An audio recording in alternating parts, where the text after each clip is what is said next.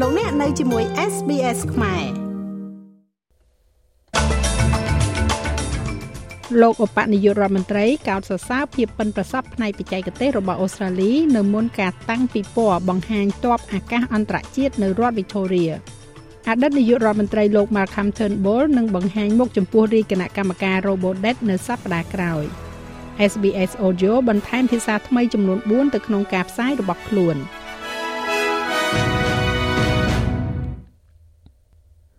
លោកអបនាយករដ្ឋមន្ត្រី Richard Marles បានកោតសរសើរចំពោះភាពប៉ិនប្រសប់ផ្នែកបច្ចេកទេសរបស់អូស្ត្រាលីខណៈដែលលោកបានប្រកាសអំពីកំណែទម្រង់នៃកងយន្តហោះចំនួន9នៃកងទ័ពអាកាសអូស្ត្រាលី Royal Australian Air Force ការធ្វើសេចក្តីប្រកាសនៅមុនការតាំងពិព័រណ៍បង្ហាញទ័ពអាកាសអន្តរជាតិរបស់អូស្ត្រាលី នៅជីឡងក្នុងរដ្ឋ Victoria នេះ លោករដ្ឋមន្ត្រីក្រសួងការពារជាតិ Males បាននិយាយថាយន្តហោះ Triton ថ្មីនឹងបង្ហាញសមត្ថភាពយោធារបស់អូស្ត្រាលី ទៅកាន់ពិភពលោកទាំងមូលលោកបានធានាដល់សាធារណជនអូស្ត្រាលី ថាសន្តិសុខព័ត៌មានជាតិគឺមានកម្រិតខ្ពស់ជាងគេបំផុតនៅមុនសមត្ថភាពនាវាមួយទឹកនុយក្លេអ៊ែរ AUKUS ដែលនឹងត្រូវប្រកាសនាពេលឆាប់ៗនេះ លោករដ្ឋមន្ត្រី Males បាននិយាយទៀតថារដ្ឋាភិបាលកំពុងធ្វើការជាមួយនឹងសហរដ្ឋអាមេរិកដើម្បីធានាឲ្យមានការផលិតផ្នែកការពារជាតិកាន់តែច្រើននៅក្នុងប្រទេសអូស្ត្រាលី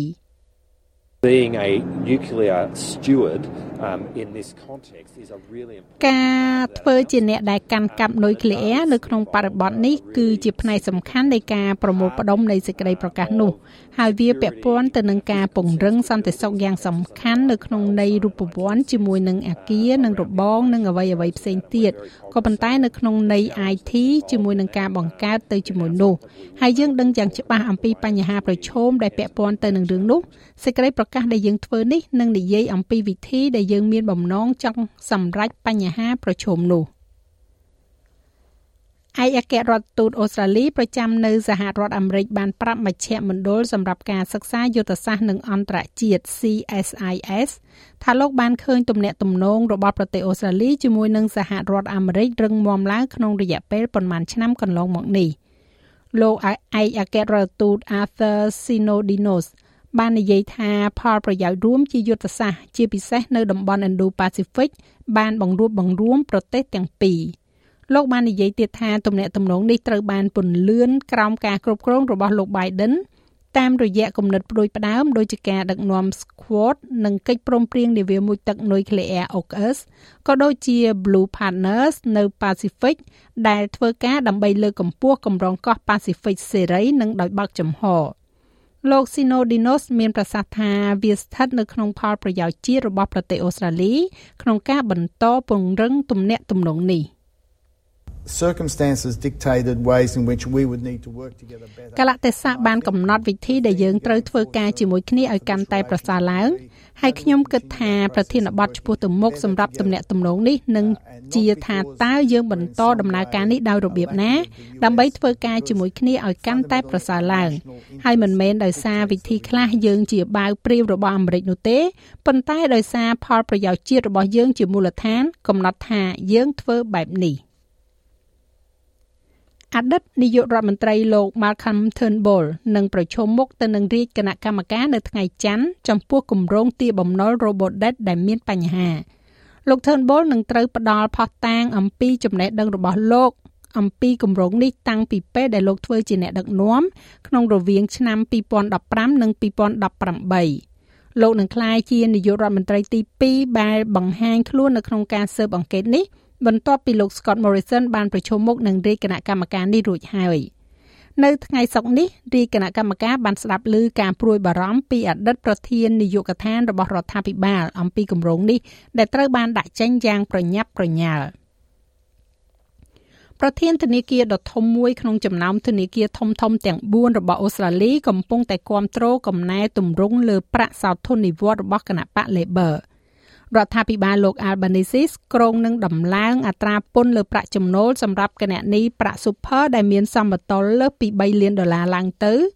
គឺឡើងពី15%ទៅ30%ចាប់ពីពាក់កណ្ដាលឆ្នាំ2025ប្រធានធនាគារ National Bank Australia Bank ឬក៏ហៅថា NAB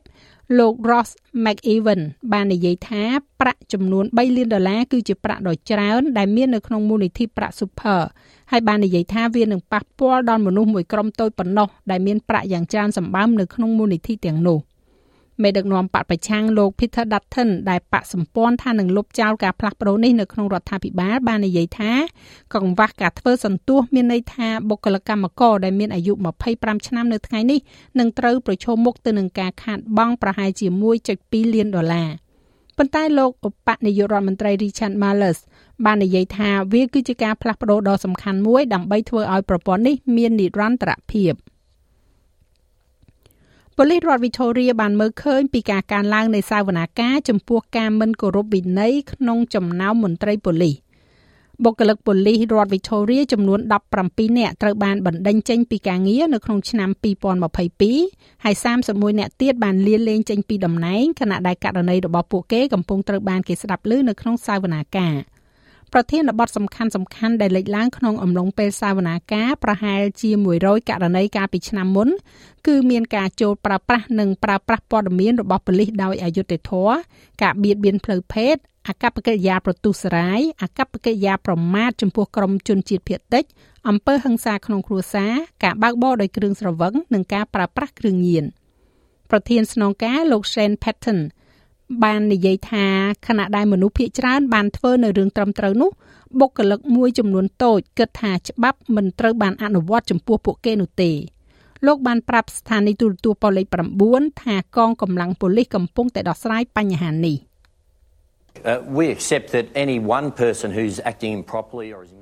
យើងទទួលស្គាល់ថាបុគ្គលណាមួយដែលប្រព្រឹត្តមិនត្រឹមត្រូវឬក៏ពាក់ព័ន្ធបទឧក្រិដ្ឋឬក៏ប្រព្រឹត្តខុសវិន័យនោះគឺវាច្រើនពេកប៉ុន្តែនោះហើយជាមូលហេតុដែលយើងកំពុងដោះស្រាយបញ្ហាហើយយើងបានដោះស្រាយបញ្ហានេះជាច្រើនឆ្នាំមកហើយអ្វីដែលយើងធ្វើយើងបន្តមើលវប្បធម៌របស់យើងយើងបន្តពង្រឹងថាតាមរយៈការបណ្ដោះបណ្ដាលរបស់យើង តាមរយៈការបណ្ដុះបណ្ដាលសិទ្ធិមនុស្សរបស់យើងដើម្បីធ្វើឲ្យសមាជិកយល់ដឹងអំពីអ្វីដែលពួកគេគួរធ្វើច្បាស់ណាស់ផលវិបាកនៃរឿងនេះគឺអ្នកនឹងត្រូវបានបណ្តេញចេញប្រសិនបើអ្នកត្រូវបានចោទប្រកាន់ពីប្រភេទនៃបញ្ហាទាំងនេះគ្មានហេតុផលនៃការបណ្តេញចេញពីលំនៅឋានត្រូវបានកំណត់ឲ្យហាមឃាត់នៅក្នុងរដ្ឋ New South Wales សម្រាប់អ្នកជួលដែលចេះតែបន្តនោះទេ លោកអភិបាលរដ្ឋដូមីនិកប៉េរូតេបានធ្វើសេចក្តីប្រកាសនៅមុនការបោះឆ្នោតថ្នាក់រដ្ឋនាពេលខាងមុខលោកបាននិយាយថានឹងមានការបង្កើនពី30ថ្ងៃទៅ45ថ្ងៃសម្រាប់សេចក្តីជូនដំណឹងស្តីអំពីការបញ្ចប់ការជួលលោកបាននិយាយទៀតថាលោកសង្ឃឹមថាកំណែទម្រង់នេះក៏នឹងជួយដល់និន្នាការដែលម្ចាស់ផ្ទះផ្លាស់ប្ដូរចេញពីការជួលរយៈពេលវែងទៅជាការជួលរយៈពេលខ្លីដូចជា Airbnb ជាដើម។ What we want to do through this is move to reasonable ground evictions អ្វីដែលយើងចង់ធ្វើតាមរយៈនេះគឺឈានទៅរកការបណ្ដេញចេញដោយសមហេតុផលនៅក្នុងរបៀបដែលផ្ដល់ទំនុកចិត្តផងដែរសម្រាប់ម្ចាស់ផ្ទះដើម្បីបន្តនៅក្នុងទីផ្សារជួលរយៈពេលវែងឥឡូវនេះវាបន្តដាក់សម្ពាធយ៉ាងខ្លាំងមកលើអចលនទ្រព្យអ្វីដែលល្អបំផុតដែលយើងអាចធ្វើបាន បានតាក់ទងទៅនឹងការបន្ថយសម្ពាធលើទីផ្សារជួលគឺការមានផ្ទះបន្ថែមទៀតសម្រាប់ជួល។ លោកអភិបាលរដ្ឋក៏បានចេញការព្រមានជាថ្មីដល់ភ្នាក់ងារអចលនទ្រព្យដែលបន្តអនុវត្តការដេញថ្លៃការជួលទោះបីជាមានការហាមឃាត់ដែលត្រូវបានដាក់ចេញកាលពីឆ្នាំមុនក៏ដោយ SPS Audio គឺត្រូវបន្ថែមភាសាថ្មីចំនួន4ទៅក្នុងការផ្សាយរបស់ខ្លួន Bislama ដែលត្រូវបានគេនិយាយនៅក្នុងប្រទេស Vanuatu ម៉ាឡេអូរ៉ូម៉ូដែលត្រូវបានប្រើនៅក្នុងប្រទេសអេត្យូពីនិងផ្នែកដ៏ធំនៃទ្វីបអាហ្វ្រិកខាងកើត និងតេតុំប្រើនៅប្រទេសទីម៉ូខាងកើតនិងទីម៉ូខាងលិចត្រូវបានណែនាំឡើង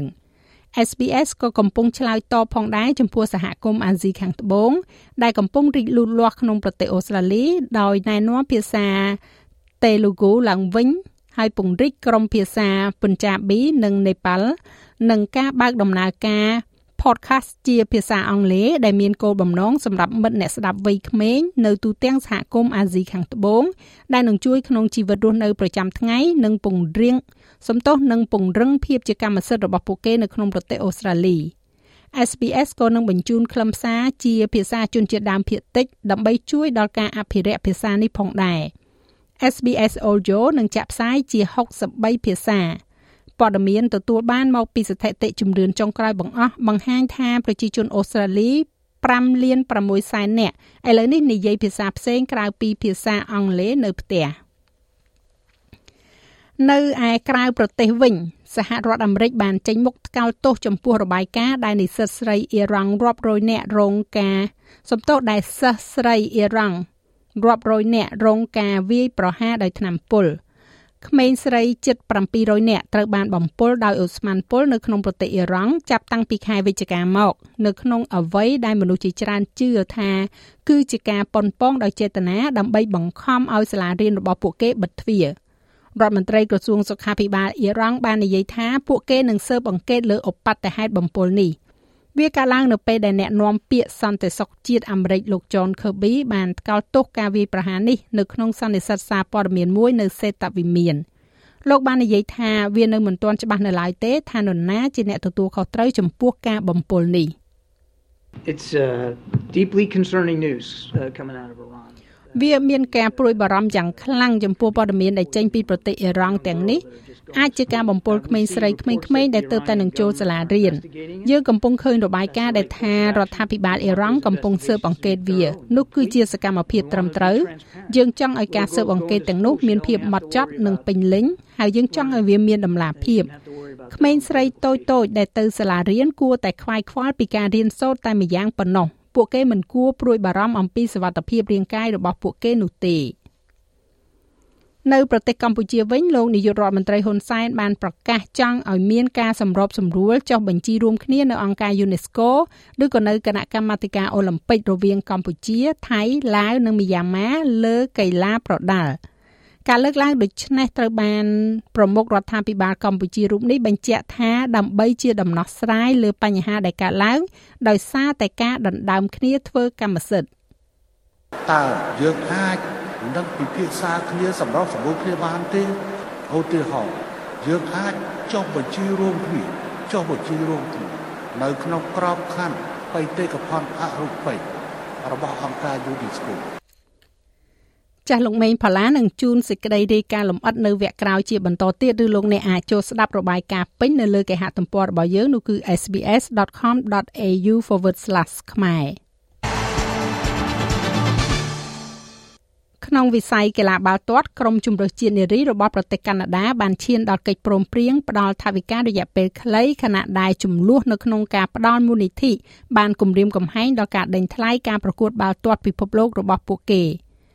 Canada Soccer និយាយថាលក្ខខណ្ឌនៃកិច្ចព្រមព្រៀងនេះឆ្លុះបញ្ចាំងពីក្រុមជម្រើសជាតិបុរសហើយកិច្ចព្រមព្រៀងចរចាជាសមូហភាពចុងក្រោយនៅតែកំពុងត្រូវបានចរចានៅឡើយ។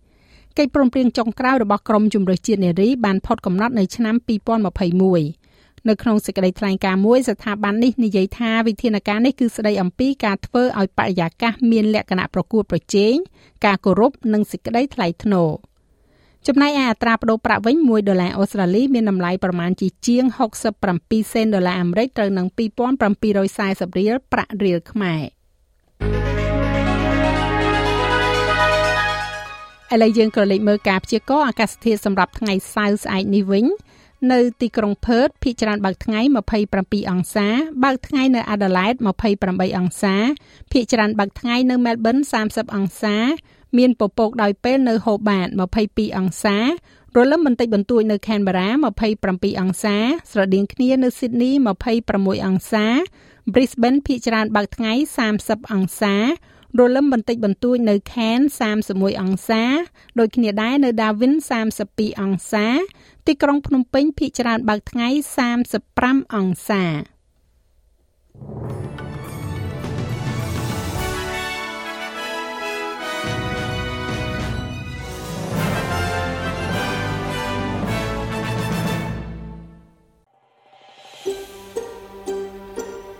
ង់ស្ដាប់រឿងក្រៅបែបនេះបន្ថែមទៀតទេ